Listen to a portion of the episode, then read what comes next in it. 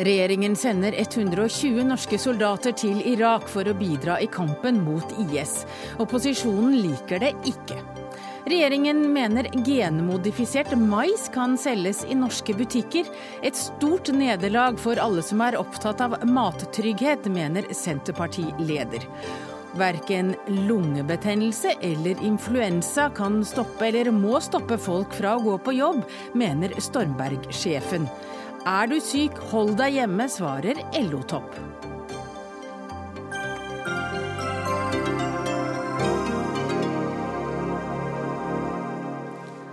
Velkommen til Dagsnytt 18. Dette er noen av sakene i denne sendinga, men vi skal også snakke om Erna Solberg-biografien fra fiasko til statsminister, som kom ut i dag. Og Operasjon Dagsverk, som lektor mener har utspilt sin rolle. Jeg heter Hege Holm, og velkommen. Først skal vi til pressekonferansen som akkurat eh, er startet. For det handler altså om Norge som nå skal sende 120 soldater inn i kampen mot IS i Irak. Og etter hva NRK forstår, så er det altså snakk om to kontingenter på 60 soldater hver. Og Sindre Heyerdahl, du er på pressekonferansen. Hva mer vet du ja, nå har både statsminister og forsvarsminister her bekreftet at det blir eh, om lag 120 soldater som sendes.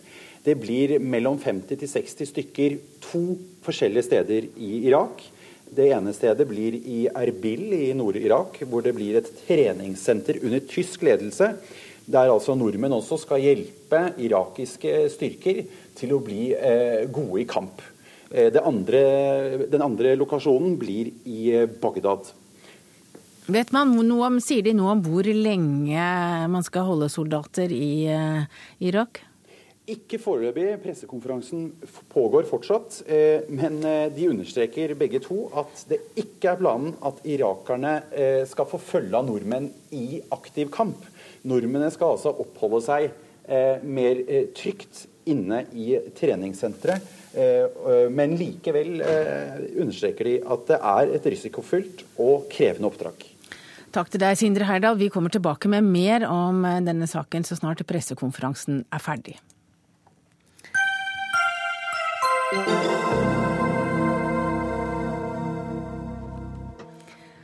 Erna Solbergs vei til statsministerstolen er en bemerkelsesverdig reise. Det var få som trodde at hun ville komme så langt i politikken, og mange har forsøkt å stikke kjepper i hjulene for henne underveis. Renate Nedregård, du er journalist og du er forfatter, og nå har du skrevet den første biografien om Erna Solberg. Den har eh, fått eh, navnet fra fiasko til statsminister. Eh, hva er det med Erna Solberg som gjør at hun i dag har blitt statsminister?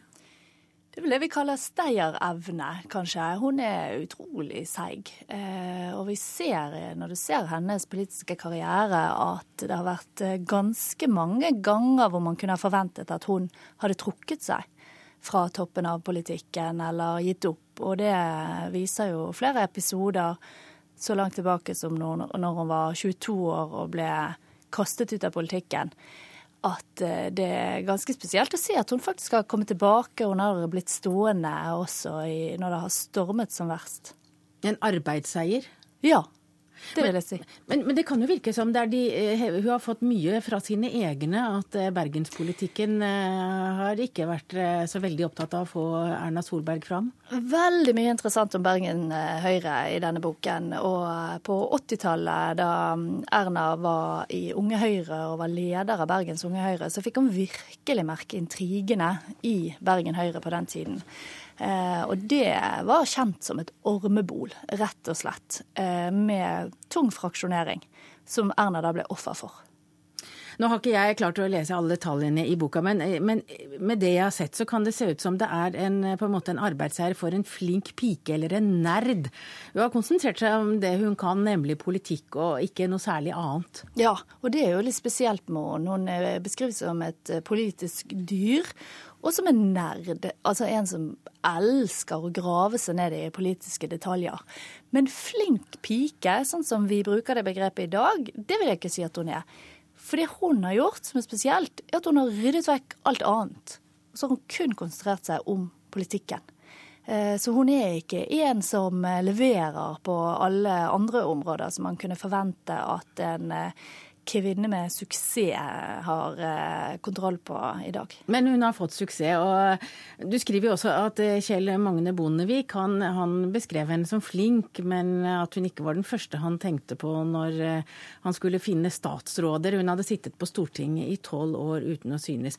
Men, men, så begynte hun nå å synes, og der skriver jo du i denne boka at eh, ingen av hennes politiske bragder, og de var det jo mange av, var flink kunne overskygge det andre kjennetegnet ved Erna Solberg, det alle tenkte på hver gang de så henne på TV og på bildene i avisa. Hva mener du når du skriver det? Dette er jo det som er litt urettferdig mot Erna, men som hun har måttet tåle. Og det er fokus på utseende. Og det er fokus på vekt. Og det kom jo fra hennes egne også. Altså, I grasrota i partiet så ringte de inn til eh, fylkeskontoret og, og, kommenterte hvordan hun så ut, rett og slett. Eh, og det Uansett hvor flink hun har vært og dyktig hun har vært i politikken, så kommer hun ikke unna det. Og at det har vært en vesentlig del av kritikken mot henne, det er riktig. Men du også i denne boken nevner jo Erna Solbergs vekt, du skriver om slankekurene hennes, og du skriver om utseendet hennes veldig mange ganger i biografien. Og du er jo den første da biografen. Dette er en uautorisert biografi, så Erna Solberg har ikke bidratt selv. Men hvorfor gjør du det? Det er jo litt urettferdig at det er så mye fokus på det. Men jeg prøver jo å gjenspeile hva som faktisk har vært kritikken mot henne. Og det kommer vi ikke unna. Det beskriver jeg jo. Hvordan det var pressen som tok det opp, og også innad i partiet. Eh, folk eh, stoppet jo Per Christian Foss på Vinmonopolet for å fortelle hva de burde gjøre med Erna. Eh, så dette er ikke noe jeg har funnet på. Og jeg skulle ønske at Men det er jo du som har valgt det du har valgt å ta med og skrive om i boka. Hvorfor ja, det jo... er det relevant å ha såpass mye? Det ville vært påfallende å ikke ha det med. Det ville det vært. Siden dette er en del av det som hun har blitt utsatt for. Og det skriver jeg også litt om hvordan kvinner i hennes posisjon må tåle det at det er fokus på utseendet, selv om han aldri har meldt seg på den konkurransen om å se best mulig ut, så er det det hun blir eh, vurdert etter. Du skriver jo også om da de skulle gjøre Erna til en populær politiker, og hun stilte opp i Dagbladet som på en trampoline, hun stilte opp i VG i et tjern som Hulder, eller hva det var. Eh, ville man gjort det med en mannlig politiker? Ja, det er et veldig godt spørsmål. Jeg tror at hvis du ser på mange av de tingene som har blitt eh, fokus på Erna, så har du jo aldri funnet på å gjøre det med mannlig politikere. Men hvorfor valgte da altså alle de som hjalp Erna fram med å ville gjøre henne til en eh, stor norsk politiker, hvorfor valgte de å gå så ut? Det er jo noe med kravene til en kvinne. Og det som det har vært snakket om, er at eh, utseendet har vært forstyrrende for budskapet. Når folk hang seg opp i hvordan hun så ut, så forstyrret det for det politiske budskapet. Eh, og mens en mann eh, kan være så stor han vil og kle seg ganske kjedelig, så er, så er, det noe som Erna har fått merke, at eh, der stilles det andre krav til henne. Og noen av disse PR-stuntene har sikkert vært forsøk på å gjøre noe med det. Og hun har jo gått veldig mange runder før hun har landet på en rolle som hun er trygg i, også i fremtoningen. Og der ser man veldig stor forskjell, altså. Men hvorfor, eh, hvorfor, bruker du så mye tid på det? Lars Nehru Sand, vår eh, kommentator her i NRK, mener jo at du flytter rett og slett en grense for eh, kroppsfokus og omtale av norske kvinnelige politikere. Nå er jo denne biografien på 440 sider, og det handler virkelig ikke bare om kropp. Det gjør det ikke. Men som jeg sier, det ville vært unaturlig å ikke ta det med. Og jeg har referert stort sett de gangene hvor det har vært brukt mot henne politisk. Og det er jo det kvinnelige politikere blir utsatt for. At man blander utseende og politikk øh, og øh, et område som egentlig ikke har noen ting med hennes rolle å gjøre. Det har hun likevel måttet forholde seg til flere ganger gjennom sin politiske karriere. Og hun har ikke blitt ny bare én gang, hun har blitt ny flere ganger. Du har nå skrevet 400 sider om Erna, som du selv sier. Hva er det som er nytt i denne boken som vi ikke visste fra før? Jeg tror at jeg har eh, fortalt historier fra hennes eh, tidligere politiske karriere som vi ikke kjente til. Hun ble formet eh, da hun var ungdomspolitiker i Bergen, i eh, disse intrigene i Bergen Høyre. Og der fikk hun lære seg en lekse som hun har hatt bruk for seinere i karrieren. Lars Nehru Sand, du er eh, vår politiske kommentator her i NRK. Du har da lest biografien om Erna Solberg. og eh, Lærte du noe nytt om den utradisjonelle høyredamens eh, vei mot makt? Nei, det er mer en, en, sammen, en sammenfatning av den historien vi har hørt om Erna Solberg, om karrieren hennes, om eh, hvordan hun er blitt karakterisert, både som menneske og som politiker. Eh, og det er en, en, litt større versjon av et eh, portrettintervju, f.eks. Og de fleste som har lest litt eh, portrettintervjuer av Erna Solberg, det har vel de fleste nordmenn gjort etter hvert, vil ikke finne de helt store nyhetene i boka, men, men får selvfølgelig et mer omstendelig bilde når det er en stor bok. Du mener at Renate Nedregård flytter en grense for kroppsfokus i omtale av kvinnelige politikere. Hvordan gjør hun det? Jeg syns hun går veldig mye lenger i å problematisere hva hva hun gjør når vi hører på henne her i Dagsnytt 18, enn det etterlatte inntrykket er etter å ha lest boken. Fordi eh, selv om veldig masse i boka handler om andre ting enn kroppsfokus, så blir det løfta frem så mange eksempler uten at man uh, gjør den analysen eller den problematiseringen som jeg mener det uh, krever når man først skal gjøre det. Og så er det riktig som Nedergaard sier, at jeg tror ikke en mann ville blitt utsatt for det samme. og Da må man kanskje begrunne hvorfor man trekker det frem så mange ganger som man gjør i en uh, biografi. Og så er jeg enig i at det er eh, hendelser i Erna Solbergs karriere som rettferdiggjør at man tar det opp, men da må man eh, vite hvorfor man gjør det, og bør, man bør sette det inn i en sammenheng. Fordi det at Erna Solberg selv, f.eks., som ikke vil kommentere boken, eh, vanskelig kan slå tilbake mot de ryktene mot den, eh, det at eh, Per Kristian Foss blir oppringt av partivenner og, og, og stopper på gata og fortalt at man må gjøre noe med partilederen. Det er jo nettopp et symptom på at den debatten om forskjeller på hva kvinner og menn må tåle, ikke bare i politikken, men i det offentlige rom, eh, er en debatt vi trenger å ta, og som da må tas på et annet grunnlag enn at disse eh, eksemplene isolert sett løftes opp uten å bli eh, problematisert. Er det en viktig bok? Nei, det er det ikke i den forstand at den bringer liten nytt til torgs. Men eh, det den er god på, er eh, situasjonsbeskrivelsen av Bergen Høyre. Jeg ser BT-avisen mener at det er en god bok for alle på Østlandet. Eh, og det er i hvert fall mye nytt å lære, eller det er i hvert fall mye å sette seg inn i i konfliktområdet Bergen Høyre, for det er omfattende historiefortelling. Ja, Renate, Men en annen bok enn Renate Nedregård er jo vokst opp i samme strøk som eh, Erna Solberg, så hun kjenner jo det lokale. Takk til dere. Du er forfatter og journalist Renate Nedregård. Lars Nehru Sand, du er kommentator.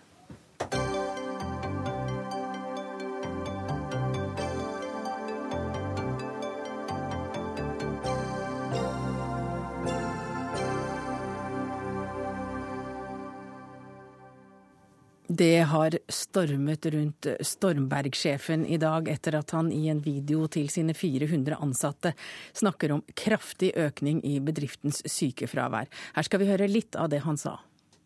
Jeg mener jo personlig at det å være hjemme fra arbeidet eh, når en er voksen eh, fordi at en har eh, influensa, har feber eller vondt i hodet, eller har en lungebetennelse eller bihulebetennelse. Det mener jeg er betenkelig. Ja, Steinar Olsen, du er sjef i Stormberg, og her hørte vi litt av det du sa. Og du sa altså at man bør gå på jobben selv om man har influensa. Mener du virkelig det? Nei, Jeg sa ikke at en skal gå på jobben selv om en har influensa. Hvis du hadde spilt det litt videre, så sier det at det er alltid opp til den enkelte sjøl å bestemme om en skal på jobben eller ikke. Det er OK å gå på jobb hvis en er syk, og det er OK å, å, å være hjemme. Og det er klart at eh, jeg ser jo at uh, i mitt spissa budskap og i dette korte utdraget her, så, så, så, var det uheldig valg av eksempler. Men det som er hele poenget, og det som kommer frem når en eh, ser videoen og ser hva jeg, jeg skriver, er det at uh, vi, vi, må tørre å snakke om årsak til det høye sykefraværet i Norge. Vi må tørre å ta en debatt omkring dette. Bare i Stormberg så har vi i Sverige 2,7% sykefravær. Og vi drifter og leder Sverige-satsinga vår fra, fra Norge. I Norge har vi mer enn eh, dobbelt så høyt eh, sykefravær som i Sverige, men jeg tror ikke vi nordmenn er dobbelt så syke. Så vi må tørre å snakke om disse tingene. Vi må tørre å snakke om holdninger også knytta til dette med sykefravær.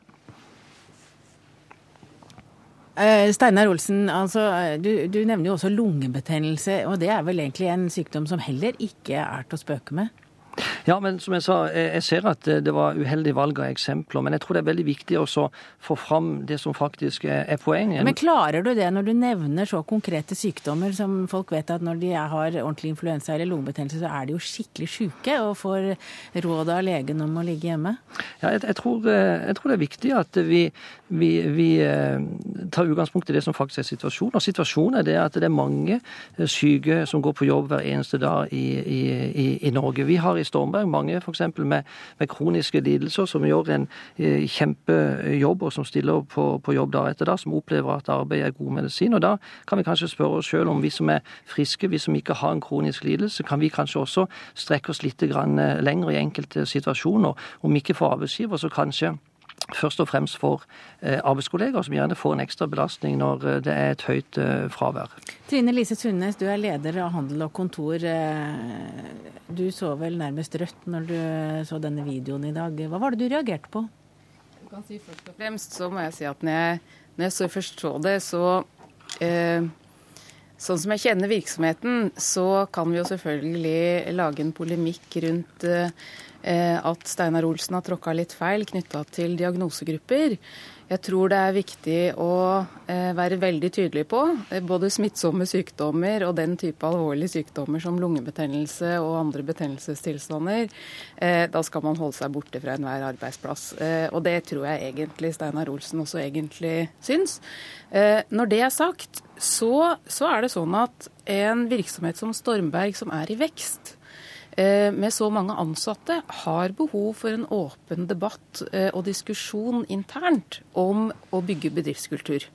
Eh, og jeg har snakka med, med, våre i dag, og det er klart at når de som jobber i Stormberg reagerer mer på medienes vinkling enn på, på, på Steinar Olsens eh, Eh, bidrag i debatten, så er det klart at eh, det er et signal på at man ønsker å ta en type debatt knytta til holdninger. Men så er det dette internettet da, som bringer dette rundt ja. hele verden. Ja. ja. Men Olsen sier jo også at man må ta ansvar for sin egen helse, og det er ikke nødvendigvis er legen som skal bestemme.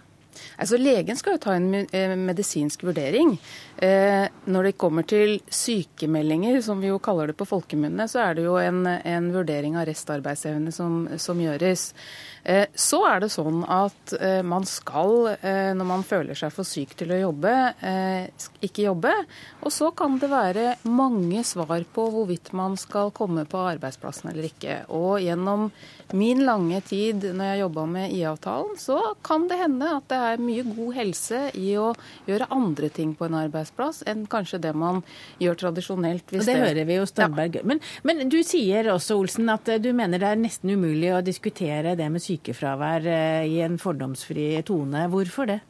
Nei, altså I Storberg så, så, har vi, siden eh, vi er sammen med de tillitsvalgte Eh, starta en idédugnad internt for å, å, se på hva kan vi gjøre for å uh, redusere uh, sykefraværet. Nye tiltak knytta til det. Så har vi hatt en veldig god debatt, en veldig konstruktiv debatt, hvor både de tillitsvalgte har kommet med forslag, og hvor den enkelte medarbeider har kommet med forslag. Men det er klart at uh, når det blir en ekstern debatt hvor et sitat i en, i, en, video på over fem minutter trekkes ut, så, så, så blir det fort eh, litt sånn steile fronter. og Det syns jeg er litt viktig å komme videre ifra. Jeg forstår at det, det kan bli steile fronter, men det er viktig at vi tør oss å ta en debatt i forhold til, til sykefraværssituasjonen i Norge. og Spesielt for alle oss som ønsker at vi også i fremtida skal ha verdens beste sykelønnsordning. Så er det viktig at vi, vi, vi finner ut på den enkelte arbeidsplass hva kan vi gjøre for å redusere det unødvendige fraværet. Hvordan kan vi klare å få et annet nivå. Det kan ikke være sånn at arbeidslivet skal være forbeholdt de som er 100% friske. Det må også være lov å gå på jobb hvis en ønsker det, og hvis en har en, en restarbeidsevne som en ønsker å bruke. Ja, Trine Lise Sundnes, vi hører jo altså her at i Sverige så har de Eller Norge har dobbelt så høyt sykefravær som eh, den samme bedriften i Sverige. Hvorfor tror du det? Det, er, det, blir bare spekulasjoner å, eh, å, si noe om det. Eh, man kan ikke sammenligne sykefravær over landegrenser på den måten, fordi det er ulikt regelverk som ligger til grunn. Eh, men det som er viktig, det er at, eh, at vi som kollektiv eh, tar en åpen diskusjon om fravær, holdninger.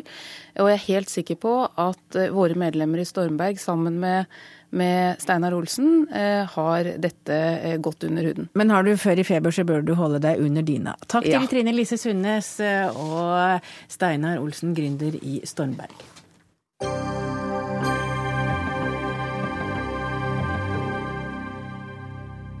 Da er pressekonferansen på Stortinget slutt, og regjeringen skal altså, som vi tidligere hørte, sende 120 norske soldater til Irak for å bidra i kampen mot IS. Soldatene skal til Erbil i nord og til Bagdad. Og forsvarsminister Ine Eriksen Søreide, hvorfor skal vi nå sende soldater til Irak? For det første så er jo terrortrusselen fra ISIL et stort problem i landet og i regionen, og det har jo også sterke forgreininger til europeiske land og Vesten. Eh, vi svarer på de, de, irakiske myndighetenes eh, anmodning om hjelp. FNs sikkerhetsråds medlemmer har også enstemmig samla seg om en oppfordring til verdenssamfunnet om å gjøre det de kan for å stanse ISILs framrykning. Og vi gir nå et relevant og etterspurt bidrag som skal bidra til å gjøre irakiske sikkerhetsstyrker i stand til å kunne håndtere den stadig voksende terrortrusselen fra ISIL. Men du sier at de skal ikke delta i kamp. Hva skal de gjøre for noe? De skal drive trening og opplæring i treningssentre. Eh, Tyskland har planlagt å ta ledelsen på et treningssenter i Erbil. Eh, amerikanerne kommer antageligvis til å ta ledelse på treningen i Bagdad. Eh, og Derfor så blir det viktig at vi da kan stille med personell begge steder. Vi stiller med ca. 50 50-60 soldater hvert sted. Eh, og De skal da være stasjonære, og styrkene fra irakiske sikkerhetsstyrker kommer inn og trener og øver. Men, men hvordan vurderer du faren for at det å sende inn flere soldater også da kan trigge nye motreaksjoner fra IS, og så forsterker det da konflikten? Jeg tror vi skal ha et veldig nøkternt forhold til både trusselbildet i regionen, det at det er risiko også for eh, våre styrker å være til stede. Det er jo ikke ukjent i noen operasjon, sånn er det alltid.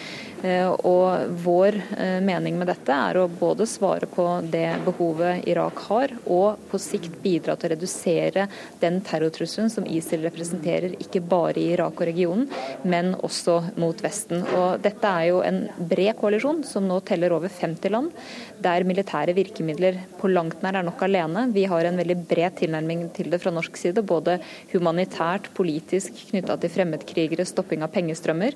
Eh, og det er viktig at vi har. Og det er viktig at den koalisjonen som nå avtegner seg, eh, har bred regional forankring, og det har den. Men det skal jo også sendes 75 soldater til Afghanistan. Hva skal de gjøre? Vi fortsetter det oppdraget vi har gjort i Afghanistan med opptrening av spesialpolitienheten i Kabul. Eh, det har vi gjort over tid, og det kommer vi nå til å fortsette i den nye Resolute Support Mission som starter eh, fra 1.1. Vi kommer også til å tilby et mindre antall støtte- og stabspersonell til bl.a. flyplassdrift, eh, logistikk og hovedkvarter. Eh, og det er eh, i tråd med de eh, tingene vi gjør i dag, på samme måte. Og det er også i tråd med ønsker og behov som har kommet fram i Nato den senere tid. Trygve Slagsvold Vedum, du er leder i Senterpartiet. Dere er kritiske til å sende soldater. Hvorfor det? Vi er imot at Norge skal sende så tunge soldatbidrag til Nord-Irak. For vi er ikke noen militær stormakt, men vi er en humanitær stormakt. Og hvis vi skal se hvor er det Norge reelt sett kan gjøre en stor forskjell i den regionen, så er det med å, gå inn enda tyngre på det humanitære. Altså Fra Syria alene så er det 3,5 millioner flyktninger. Land som Libanon har fått over 1 million flyktninger. Og flere av nabolandene står i fare for å bli destabilisert. Og da burde vi satse på det humanitære. For det er en ny utvikling i norsk forsvars- og utenrikspolitikk at i enhver væpna konflikt som Vesten skal gå inn, så skal også norske soldater inn. Så må vi også reflektere litt videre. Fordi at det vi veit, er jo at når det kommer mer vestlige styrker på bakken i Irak, så vil det i første omgang virke mobiliserende for IS. Så her kan det jo forhåpentligvis, eh, når regjeringa først da velger å sende styrker, så, så kan det bli et reelt bidrag. Men det er også like sannsynlig at det kan virke mobiliserende eh, for IS. Og når vi først går inn, så er det svært vanskelig å gå ut. Det har vi erfart i Afghanistan. Og når vi nå går inn med over 100 mann i, Nord-Irak, så vil det også der forplikte mer og mer. Og vi mener at vi burde prioritert våre ressurser annerledes og satsa på det humanitære. Ja, Har vi fortsatt med oss eh, Ine? Ja, absolutt. Ja. Jeg er fortsatt der. og jeg, har respekt for at det er ulike syn på dette. Eh, og jeg mener at eh, vi hadde en veldig god diskusjon i Stortinget i dag. Og Det er mange gode momenter som kommer fram. Mitt og regjeringas poeng er at vi kan ikke velge å stå på sida og observere det som skjer i Irak. La være å ta anmodningen fra Iraks myndigheter og FN om å gjøre noe. Og Vi har jo en bredt anlagt strategi. Vi er en av de største humanitære giverne. Vi kommer i år til å ha gitt over 1 milliard kroner til den humanitære innsatsen alene. Det er et betydelig bidrag for en nasjon som Norge, men vi har samtidig muligheter til å yte en militær støtte som irakiske myndigheter etterspør, som er relevant og som vil bidra til å gi irakiske sikkerhetsstyrker muligheten til å drive tilbake den stadig voksende terrortrusselen fra ISIL. Det som vi også se på her, er den historien. Altså I 2003 var det en stor debatt i Norge der heldigvis Kjell Magne Bondevik og KrF klarte å måtte stoppe Høyres ønske om at vi skulle bidra med styrker i den runden. Det er jo noe av kimen til de store problemene vi nå ser i Irak og i Syria. At Vesten gikk inn på det tidspunktet. Og så må vi stille spørsmålet vet vi mer hva vi gjør nå, enn det man visste da. Vet vi mer enn i fjor, der det var en stor vestlig debatt, og å gå inn og bombe Assad. Så i de siste rundene Vesten har gått inn i de konfliktene, så har vi ofte forsterka problemene istedenfor å løse problemene. Og så blir det veldig fort sånn i Norge at vi får en sånn konsensusorientering i debatten. Men vi har sett både av Irak-krigen i 2003 og Afghanistan-konflikten, som vi også har vært eh, tungt inne i, at det er veldig, veldig komplisert. Og så er det en kostnad til her. For vi skal jo da sende spesialsoldater ned. Og klart at det er stor fare for at de kan bli skada. Liv kan gå tapt. Og hvis vi da skal sende styrker, så må være veldig trygge på at dette gir en positiv effekt. Og det mener vi at det er stor usikkerhet rundt, og det bør vi heller satse på det vi veit er viktig. Og det er det humanitære som vi kan bidra med svært tungt i en rekke naboland. Og vi bør være villige til å ta imot flere flyktninger til Norge, også de hardt skadda. Jeg mener det er utrolig viktig å være klar på at behovet for eh, beskyttelse for våre soldater kommer til å stå i høysetet før vi kan sende soldater. Det er mange ting som må endelig på plass før det er aktuelt.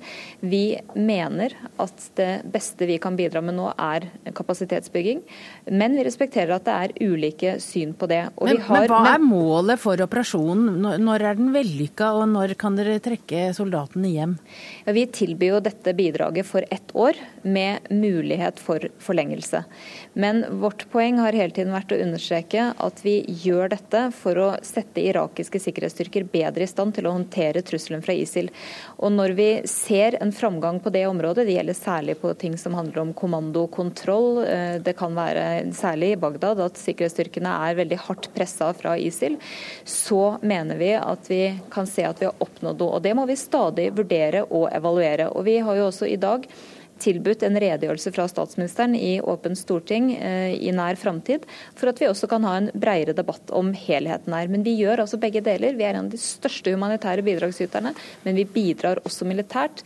Vi kan ikke sitte og se på at alle andre land skal ta ansvar for det militære grepet som alle mener er nødvendig, mens vi ikke skal være med på å ta det ansvaret. Mener du vi kan bare sitte stille i stolen og si at vi, eh, vi vil bare drive med humanitær hjelp, eh, Slagsvold Vedum? Ja, jeg hørte Audun Lysbakken brukte et bilde før i dag Altså Hvis du har en elefant i en glassbutikk, så knuser ting uansett hvor den snur seg. Og Det er litt det som har vært erfaringa fra de siste operasjonene, bl.a. i Afghanistan, nei, i Irak. Der måtte ting ha blitt, ble verre når man gikk inn. Så vi må virkelig tenke gjennom hva vi, hva vi faktisk gjør. Og det her er veldig komplisert. F.eks. Tyrkia, som er en nært alliert av oss, vet vi jo har vært, vært en av de aktive partene til å være med å væpne opp en del av de radikale gruppene i Syria. Så her er det liksom, Selv de som har vært nærest oss, har tidligere vært tunge på bevæpning av radikale grupper. Og så skal vi gå inn og uh, sende våre spesialsoldater for å trene ulike grupper, væpne de opp. Og vi har ikke god nok oversikt til å si hvor er exiten her. Vi skal altså ikke bevæpne stykker. Og, og, vi i Norge, vi er Hva var det du sa? Jeg sier at Vi skal ikke bevæpne styrker, vi skal drive trening og opplæring. Ja, av men de, Jeg regner jo med at de tar med seg våpen når de reiser til Irak? Ja, De har jo egne våpen, men vi skal altså ikke bevæpne irakiske styrker. Nei, men Vi skal trene opp. og vi, vi, Det vi har erfaring over fra Afghanistan, som er et felles ansvar for alle oss som støtte på Stortinget, er at det er veldig komplisert å trekke seg ut når vi først har gått inn. Og at vi veit at det er veldig usikkert om resultatene blir gode eller om de blir dårlige. Og da bør vi satse på der vi er best, og det er på det humanitære. Folkerettsekspert Cecilie Hellestveit, hva er utfordringen ved å sende norske soldater til Irak for å bekjempe IS? Selv om norske soldater ikke skal være med i aktiv kamp, så er det jo klart det er et militært bidrag, for vi skal sette irakiske sikkerhetsstyrker bedre i stand til å ta den kampen. Eh, det er mange grunner til at dette er en annen type involvering enn det vi har sett i Afghanistan før. For dette her er en operasjon som ikke har et FN-mandat.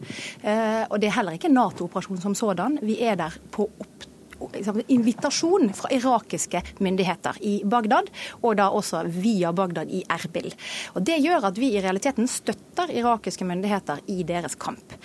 Fra vårt synspunkt så er det en kamp mot ISIL.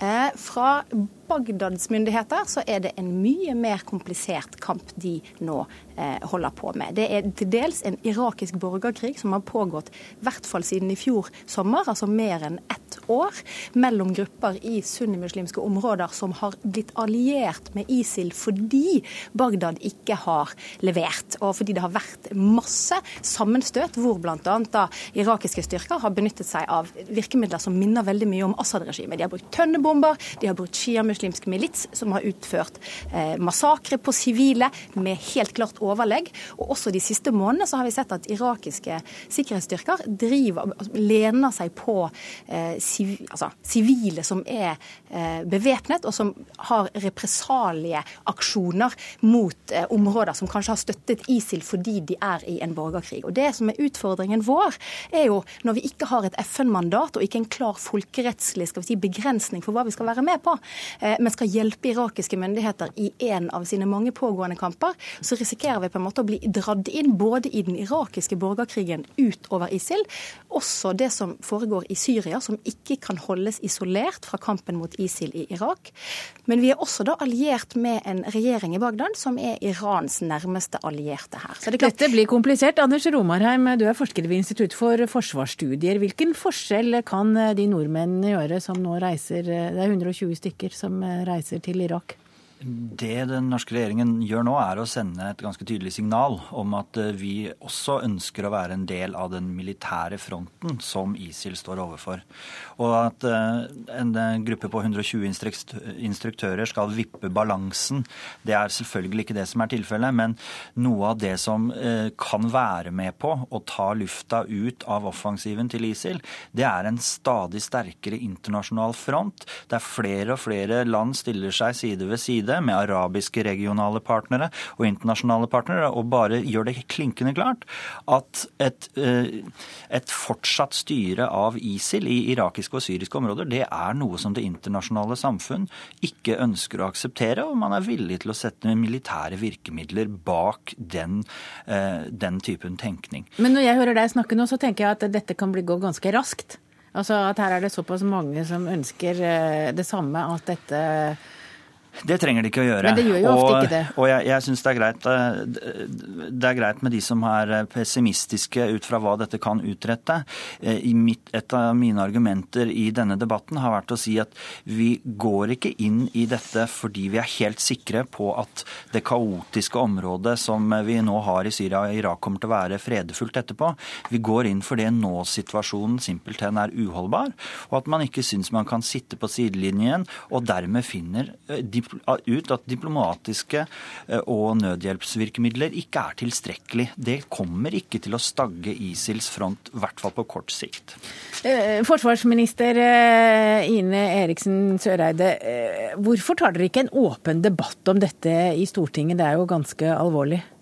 Ja, som jeg sa i stad, så har vi altså tilbudt at statsministeren kommer og redegjør, og da med påfølgende debatt i Stortinget snarlig. Eh, og det ble veldig godt mottatt. Men avgjørelsen er jo tatt?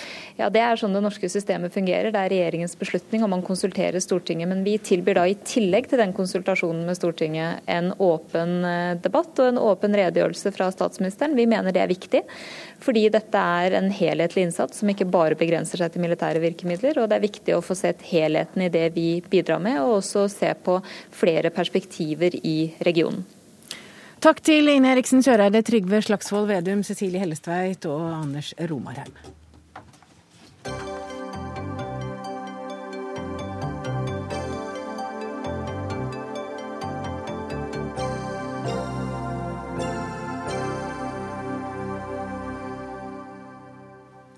Ja, vi skal holde oss eh, utaskjærs, men eh, vi skal eh, til Afrika. For Afrika er mer enn ebola, aids og fattigdom. Mange norske selskaper satser stort på Afrika fordi det er lønnsomt. Og i dag møttes mange av dem til seminar. Og etter hva vi har lest oss fram til, så er det altså 400 norske selskaper som opererer i Afrika sør for Sahara. Og Eivind Fjelstad, du er leder i Norwegian African Business Association. Skal vi se, da var vi kommet eh, takk for langt. Jeg beklager, vi skal til Afrika, men vi skal ikke helt til Afrika ennå. Det er eh, bare jeg som gikk litt raskt fram. Trygve Slagsvold Vedum, du kan bare bli sittende. Ja, vi skal nemlig innom maisen først. Genmodifisert mais. Så eh, vi kommer tilbake til Afrika. For genmodifisert mais kan nå bli å finne på det norske markedet. Maisen som har fått ekstra gener for å bli mer hardfør. Den har ligget på bordet i Klima- og miljødepartementet i mange år uten at man har bestemt seg for om den skal godkjennes. Nå mener regjeringen at det har gått så lang tid at maisen er å anse som godkjent. Det blir i så tilfelle første gang vi får genmodifisert menneskemat i Norge. Og Trygve Slagsvold Vedum, du er fortsatt leder i Senterpartiet. Du lar deg ikke begeistre av tanken på genmodifisert mais på middagsbordet. Hvorfor det?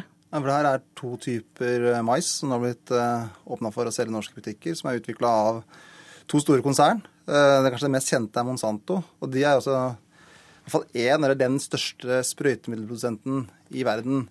Og det som er noe av fordelen med den maisen her, er at den, veldig, at den tåler mye høyere sprøyting. Altså Hvis du har mye ugress da, i en maisplantasje, så kan du sprøyte mye hardere. Ja, sprøyte med gift, da. Med gift, da. Ja, For da kan du drepe alt annet, men, eh, men allikevel så overlever den maisplanten. Og det kan jo gjøre at du får større volum, større produksjon.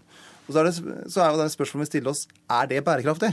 At vi skal utvikle planter gjennom miksing med gener som tåler mer sprøytemidler, som da gjør at man kan måtte drive med enda mer intensivt eh, landbruk. Og sånt, eh, Sånn matproduksjon ønsker vi ikke. For det første tror vi det utarmer jorda.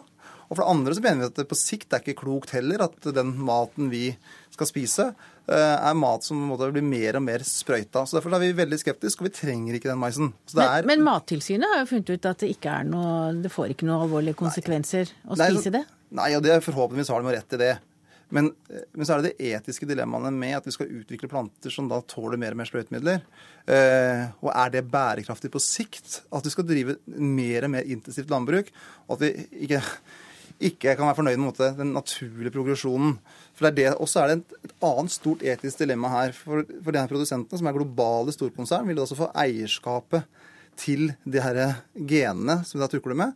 Og vil få mer og mer kontroll over den globale matkjeden. Så vi er veldig skeptiske til at det er noen store selskap som skal få mer kontroll med verdens matforsyning. Og ikke minst at når hoveddrivkreftene bak er nettopp at du kan sprøyte hardere, drive mer intensivt, når vi vet at det kommer til å skape mer forurensning og mer utarming av jord på sikt. Og så er det et eksperiment når vi i storskala lager mer robuste planter, som da etter hvert kan spre seg. Så vi mener at her er det lurt å være konservativ og føre var. Ikke være for teknologioptimist. Ja. Lars Andreas Lunde, du er statssekretær i Klima- og miljødepartementet. Det er dere som skal være konservative. Men hvorfor mener dere at eh, det å forby mais der genene er tuklet med, ikke, ikke er noe dere skal gjøre? Her var det mye feil i fremstillingen eh, som jeg må, må rett til å korrigere først. For først, altså Verken statsråden eller regjeringen har truffet noe vedtak om å godkjenne genmodifiserte organismer i Norge. Og statsråden har heller ikke endret resttilstanden. hun har kun klargjort det som allerede følger av genteknologiloven. Og det er at det ikke kreves godkjenning for omsetning av et genmodifisert produkt som er godkjent for omsetning i et annet EØS-land. Og disse maisortene, disse to maisortene ble godkjent av EU etter GMO-direktivet allerede så langt tilbake som 1998 og 2000. 2001. Det er derfor i utgangspunktet tillatt å omsette i Norge. Dersom EU-godkjente produkter eh, ikke skal nektes innført i Norge, så må det formelt vedtas et nasjonalt forbud i Norge.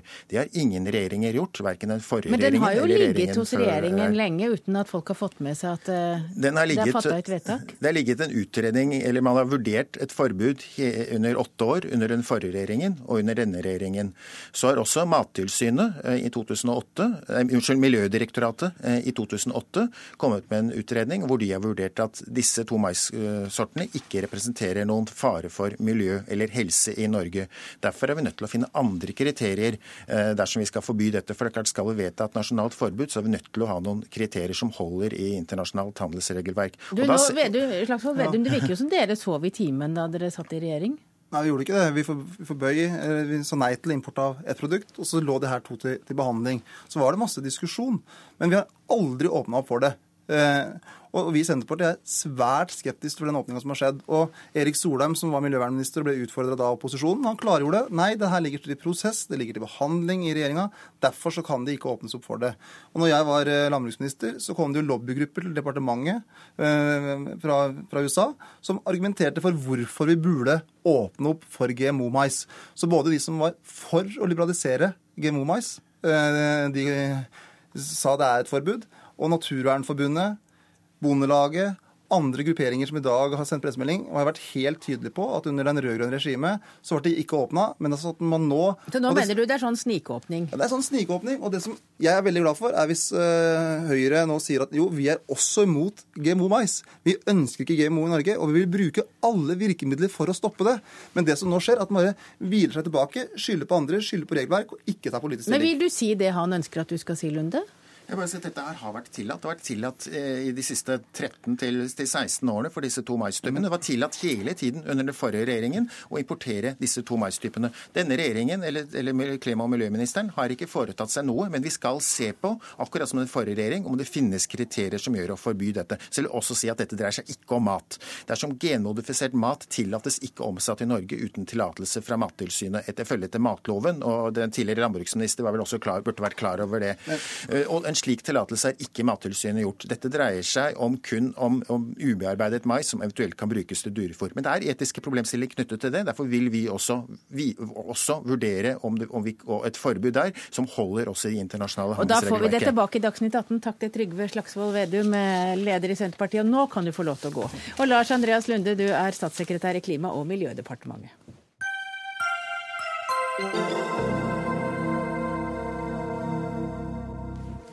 Ja, Det er sikkert mange av dere som har lagt merke til det. Det er vel solgt vafler og boller på alle gatehjørner i dag til inntekt for Operasjon Dagsverk. Nesten 100 000 elever eh, har gitt Dagsverket da, i dag til et internasjonalt prosjekt. Og det har de gjort i 50 år. Denne formen for bistand virker ikke, og nå bør skolen opp, slutte å opprettholde illusjonen om at det gjør det. Det skriver du i en kronikk på NRK Ytringsvenner, Øgeberg. Du er lektor ved Sonans i Drammen, og du syns elevene burde holdt seg på skolen i dag og ikke drevet med internasjonal solidaritet. Hvorfor det? Ehm, ja, Utgangspunktet mitt eh, er at ehm, mye av den vitenskapelige litteraturen som foreligger, eh, og som er laget av andre enn Pengefondet og og Verdensbanken eh, sannsynliggjør at eh, måten tradisjonell bistand drives på, ikke har noen eh, effekt. Og jeg vil berømme Operasjon Dagsverk og Elevorganisasjonen for, å, for, å, altså for engasjementet. Det også Eh, forsøke å få kunnskap og formidle kunnskap om hvordan verden er skrudd sammen. Og et engasjement for å gjøre noe med urettferdigheten er flott. Så uenigheten er vel heller hvordan, hvordan skal man gjøre det som eh, fungerer bedre. Men nå samlet jo inn eh, mellom 27 og 30 millioner kroner. I år skal det gå til skolebarn i Malawi og Etiopia. Er ikke det bra? Veldig bra. Altså Isolert sett, det er ingen som benekter det. Den litteraturen jeg bygger på, den sier jo helt eksplisitt at arbeidet til frivillige organisasjoner har effekt. Mange ville ikke vært i live i dag uten de store vaksineprogrammene f.eks. til Melinda og Bill Gates.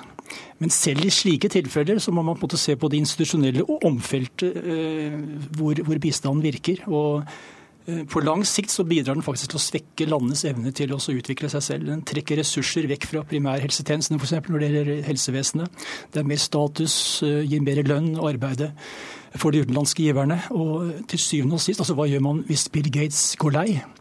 Til syvende og sist så må landene selv bygge opp sin egen infrastruktur, sin egen kapasitet, sin egen arbeidskraft. Ja, og Martin Gukild, du er leder i Operasjon Dagsverk. Er du helt sikker på at eh, de pengene som er samlet inn i år kommer til å nå målet, og ikke kommer til å havne i lomma på korrupte ledere? Ja, det er jeg ikke i tvil om et eneste sekund. Eh, jeg har selv vært både i Etiopia og Malawi og møtt både landkontorene til vår samarbeidspartner og også selve kontorene til partnerne våre som kan gjennomføre dette prosjektet på bakken. Og jeg kan garantere at dette verken er korrupte politikere eller eliten i noe land. Dette er grasrota og marginalisert ungdom eh, på landsbygda i Etiopia og Malawi, og jeg er ikke i tvil et sekund. Men hva er ODs, ODs hovedoppgave? Er det å drive bistand, eller er det å lære opp eh, unge nordmenn? ODs hovedoppgave er det siste. Det er å lære opp unge nordmenn. Vi tror, og det er en ærlig sak, at vi tror at skal man endre verden, så er ikke bistand nok. Bistand kan ikke være det eneste. Vi mener at man også må uh, fokusere på andre ting. Man må fokusere på større ting. Uh, men hvis jeg kan sitere litt professorer og slik, så vil jeg sitere professor ved utviklingsstudier på Høgskolen i Oslo Akershus, Tore Linné Eriksen, som også er starteren av Operasjon Dagsverk, tilfeldig nok. Og han sier at kunnskap uten handlingsalternativer det fører til passivitet og apati. og Derfor vi også har dette handlingsalternativet OD-dagen, som vi har opplevd veldig god effekt av i 50 år. Men Røgeberg, som lektor så burde det lyde som eh, vakker musikk i dine ører? Absolutt. Jeg underviser jo i historie, jeg er veldig opptatt av internasjonale forhold. og eh, Dette er jo på en måte basert på altså både norsk, tradisjonell norsk bistand og, og denne Operasjon Dagsverk er jo på en måte basert på en fortelling om at eh, vi i Vesten er rike på bekostning av resten av verden pga. Altså historien med slavehandel og kolonitid. Det kan være omstridt, men la oss nå forutsette at det er riktig. Eh, så, så, er spørsmålet hvordan gjør man noe med problemene. Og eh, det er mange forslag, altså det er mange forslag jeg kan bringe på banen. Ja, Kom med det beste. Ja, Det beste er, tror jeg, tror jeg å drive politisk aktivisme i, i hjemlandet. altså Mot en regjeringspolitikk som f.eks. fører til at man ikke får sletta illegitim gjeld tatt opp av korrupte diktatorer. At man får slutt på våpensalg til eh, den type regimer. At man reiser kamp mot frihandelsavtaler, f.eks. Så du mener at elevene på videregående skal bli politiske aktivister og ikke drive ja. Et forslag kunne jo være det at eh, man kunne neste år samle inn penger til å rette opp et skadeverk som samtlige politiske partier på Stortinget er direkte ansvarlig for. Eh, så F-16 bombeflyene til Norge spilte en viktig rolle i å ødelegge det nærmeste Afrika har kommet til en velferdsstat. Man kunne jo da samle inn penger til utdanningsprosjekter for den libyske ungdommen som nå bor i flyktningleirer i nabolandene, først og fremst Tunisia. Det var et svært politisk mål. Eh, du må svare på det ja, akkurat det siste skal jeg ikke uttale meg om. Det har jeg ikke satt meg inn i verken for den ene eller andre veien. Men jeg ønsker å gripe tak i et par av de tingene uh, du sier her. Fordi mye av det du sier, det er også ting Operasjon Dagsverk foreslår. Og måten du setter opp bistand på, er at du setter opp bistand i en enten-eller-kontekst. Enten så funker det, eller så funker det ikke. Det er enten svart eller hvitt. Og bistand, det er bare ett verktøy i verktøykassa. Det kan brukes til å skape forbedringer i store deler av verden, men det kan ikke være det eneste verktøyet man bruker. Men det tror jeg dere er helt enige om. Da tror jeg jeg sier takk for eh, at dere kunne bli med i Dagsnytt 18 i dag. Så kan dere heller ta en diskusjon på gangen om hvordan man kan endre Operasjon Dagsverk til å både hjelpe og være noe man kan lære av. Jeg bare til slutt få sagt tusen hjertelig takk til alle elevene i hele Norge som har jobbet på dagen i dag. Det er utrolig flott.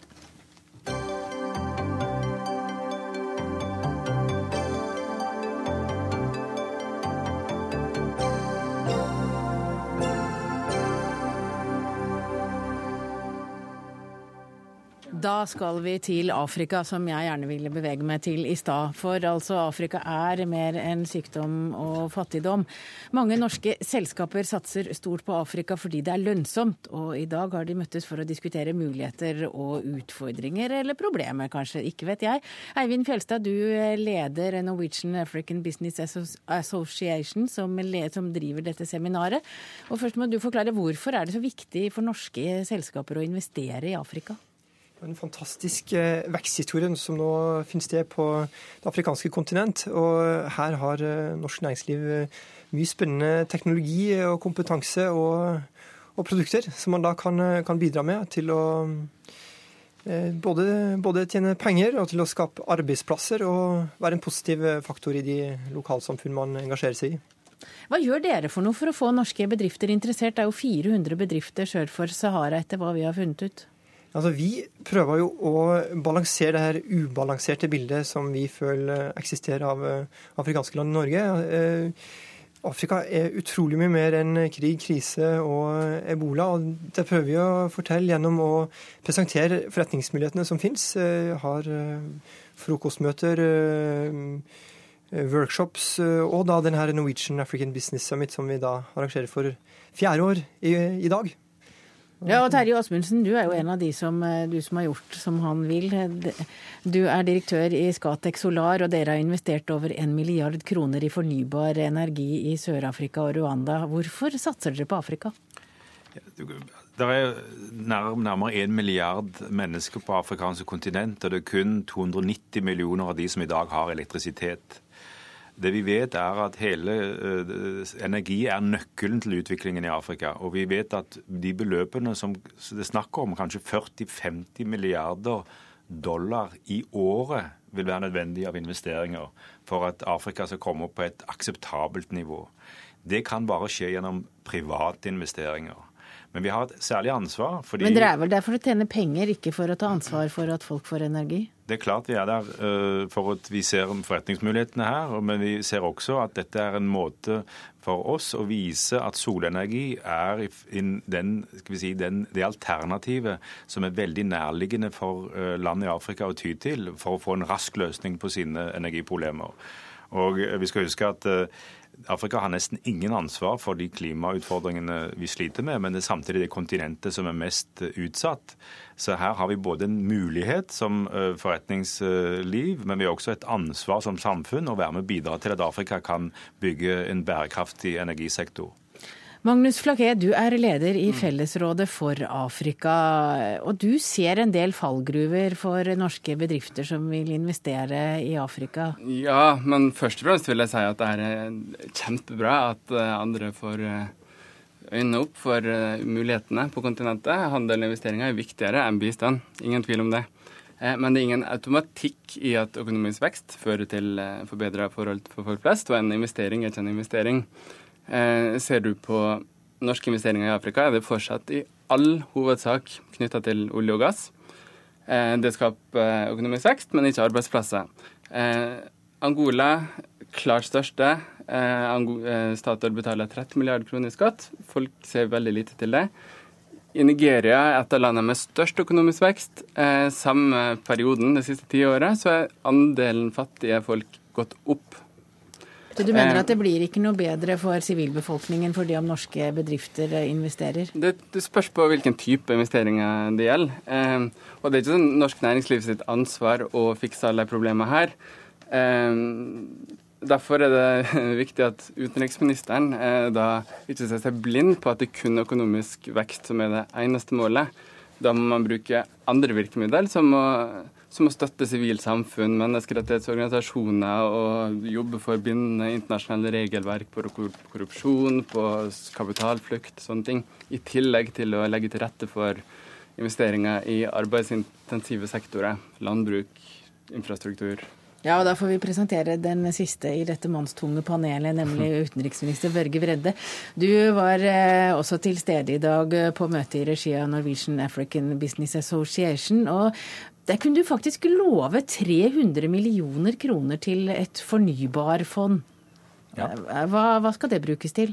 Det skal brukes til eh, å eh, bidra til at eh, alle de hundrevis av millioner av mennesker i Afrika annet, som ikke har tilgang på elektrisitet, kan komme nærmere det som er målet, nemlig at flere skal få tilgang på strøm, som er en forutsetning for utvikling. Men eh, det som er bra òg i tillegg nå, er jo at du ser at norske bedrifter og selskaper engasjerer seg i Afrika. Jeg tror at det er mye med den norske bedriftskulturen og det samfunnsansvaret som norske selskaper viser, som er vesentlig. Jeg tror det kan tilføre mye òg i Afrika. Eh, for norske selskaper er vant til å ta samfunnsansvar hjemmefra og tar ofte med seg det. Men nå reiser de vel ikke ut for å ta samfunnsansvar i det landet de kommer til? De reiser ligger, vel ut for å tjene penger? Det ligger ofte i DNA-et. Um, Selvsagt kan vi ikke garantere at alle gjør det, men det vi har sett eh, av mange norske selskaper som har investert i Afrika, de gjør det på en litt annen måte enn mange andre. Og så er jo hovedpoenget at vi har ikke sett noen land løfte seg varig ut av fattigdom og gå fra å være et fattig land til å bli et mellominntektsland uten at det har kommet en stor grad av investeringer, både når det gjelder vei, infrastruktur, elektrisitet øh, og skapt arbeidsplasser. Men så har vi sett at det har kommet den type investeringer i en del land uten at det har ført til utvikling òg.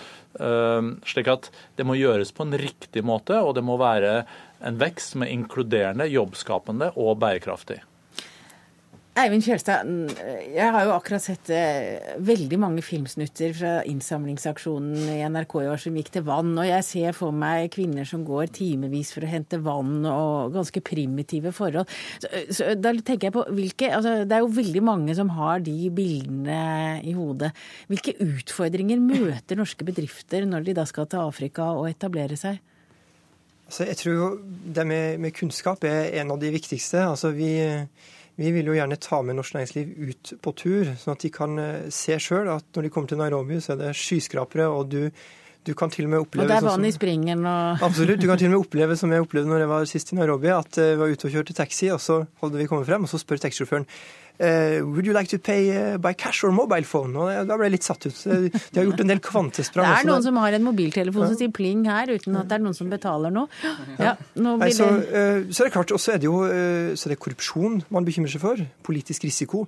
Men det vi prøver å, å få kommunisert, er jo at altså, realiteten er annerledes på bakken. Ja, det er utfordringer, absolutt. Men men eh, her kan man eh, komme en lang vei ved å gjøre hjemmeleksa si, ved å eh, nytte godt av de erfaringer som f.eks. Scatec Solar har gjort. Og Det er jo fantastisk hvor mange arbeidsplasser Scatec Solar har nå skapt med sine prosjekter i Sør-Afrika. Nå er det Rwanda i Vest-Afrika. Det er klart, Afrikanske presidenter de vil jeg tro, Det som holder de våkne om nettene, er jo nettopp det med at du har millioner unge afrikanere som både har utdanning og ikke, men som skal ut i et arbeidsmarked. Og det er klart, Da må du ha, må du ha jobber. Så Der føler jeg at norsk næringsliv òg bidrar veldig positivt med at vi, vi legger ikke igjen eh, helse-, miljø- og sikkerhetsstandardene på Gardermoen når vi reiser ut, og at vi, at vi da gjør en, en, eh, en, positiv innsats, i tillegg til at det er gode forretningsmuligheter. Da. Ja, Osmundsen, når du starta med solcelle i Afrika, hadde du mange fordommer som bare forsvant som dugg for solen når du når Scatec Solar uh, begynte å utvikle i Afrika, så uh, hadde vi vel en, en, forestilling om at det ville være nødvendig kanskje å bringe inn flere utenfra.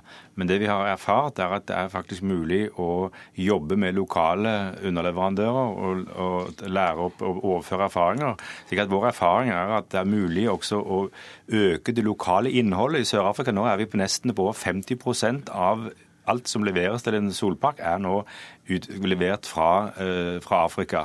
Og Det betyr at det også ligger veldig mye uh, og Det er nok en overraskelse. Jeg tror mange hadde regnet med at dette skulle i første rekke bli utenlandske eksperter, utenlandske uttak, mens det viser at det er mye også lokal verdiskaping i dette. Det tror jeg er den største, viktigste erfaringen vi har høstet. Børge Brende, er det sånn nå at investeringer er viktigere enn bistand for å skape et, en bærekraftig utvikling i Afrika? Når det gjelder eh, kapitalen som tilflytter utviklingsland, så utgjør jo nå eh, investeringa 50 mens eh, bistanden utgjør 13% For 24 år siden så var det omvendt. 50% var bistand, og mye mindre var investeringa. Men den bistanden vi gir, den må være innretta slik at den utløser alle de gode prosessene. At den utløser investeringer i utdanning, at den utløser investeringer i eh, fornybar energi, som er nødvendige forutsetninger for utvikling. Og Der syns jeg jo Ghana, eh, og presidenten var jo på dette møtet i dag, er et godt eksempel. Det er et land som har gått ifra å være et eh, veldig fattig land til nå å bli et mellominntektsland i det nedre sjiktet. De har starta med olje- og gassproduksjon, de har gull, de har eh, kakao. Men det vi stiller opp med fra Norges side òg, det på olje- og gassida, er at vi bygger kompetanse, slik at de skatteinntektene de får, det tilhører jo folket, slik at det skal investeres i deres fremtid, og ikke havne hos politikerne og de som Ja, eier og andre som ikke kan ta ansvar. Takk til dere for dere at dere kunne komme i Dagsnytt 18. Sendinga er slutt. Ida, Ida Tune Øritsland, Finn Lie og jeg, Hege Holm, sto bak. Ha en riktig god kveld.